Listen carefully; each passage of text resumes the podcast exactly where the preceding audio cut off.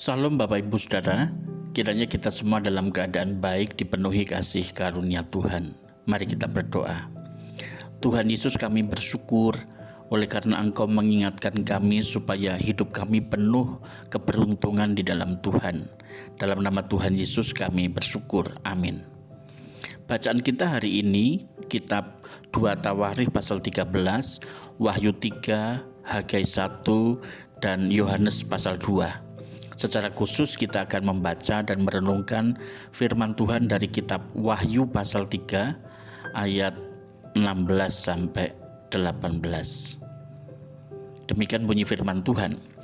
Jadi karena engkau suam-suam kuku dan tidak dingin atau panas, aku akan memuntahkan engkau dari mulutku.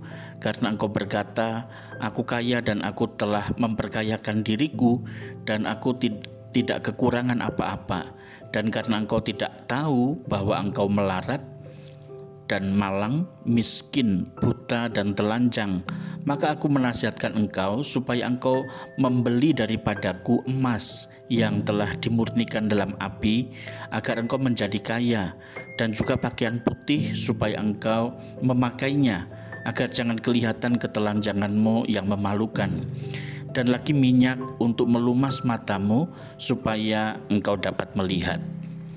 Jangan sampai mengalami kerugian rohani.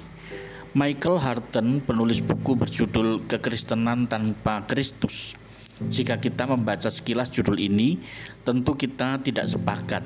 Sebab tidak mungkin ada kekristenan tetapi tanpa Kristus di dalamnya.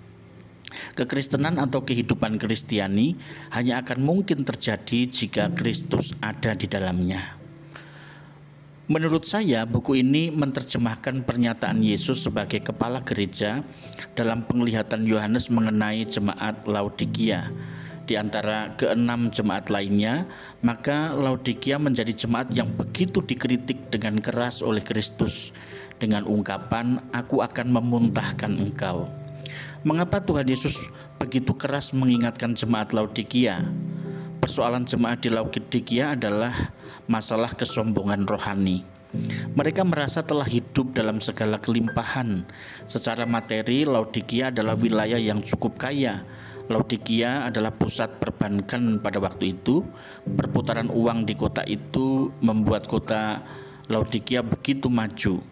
Kota ini juga dikenal sebagai pusat kesehatan infeksi mata sering terjadi dan para dokter Laodikia telah mengembangkan obat salep mata yang menurut banyak orang manjur. Domba di daerah ini juga menghasilkan wol hitam yang sangat keras bahan untuk pakaian jeans di zaman kuno waktu itu. Satu-satunya kelemahan kota ini adalah sistem pengairannya. Gereja mengira dirinya kaya, tetapi tidak menyadarinya kebangkrutan secara rohani. Mereka percaya dapat melihat dan dapat membedakan, padahal sebenarnya mereka buta. Mereka mendandani diri mereka dengan pakaian bagus, sedang tu, sedangkan Tuhan melihat mereka telanjang dan memalukan. Gereja ini telah menjadi sombong dan bangga dalam segala hal yang membuat kota ini congkak di hadapan Tuhan dan Tuhan muak dengan hidup mereka.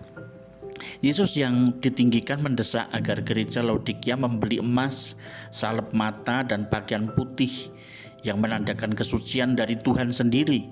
Bahkan Tuhan akan memberi kepada mereka. Ayat 18. Nah saudaraku bagaimana situasi kehidupan kita saat ini di hadapan Tuhan? Apakah jika Tuhan melihat hidup kita yang kita jalani akan merasa bangga seperti yang dia lihat dalam kehidupan Ayub atau justru sebaliknya muak karena hidup kita penuh dengan kemunafikan. Mari kita berdoa. Tuhan bantulah kami untuk tidak terlena terhadap kehidupan duniawi dan menjadi sombong, tetapi hati kami ingin terus mengejar kehidupan yang menyenangkan hati Tuhan kami mohon Tuhan mengabulkan doa kami. Dalam nama Tuhan Yesus kami berdoa. Amin.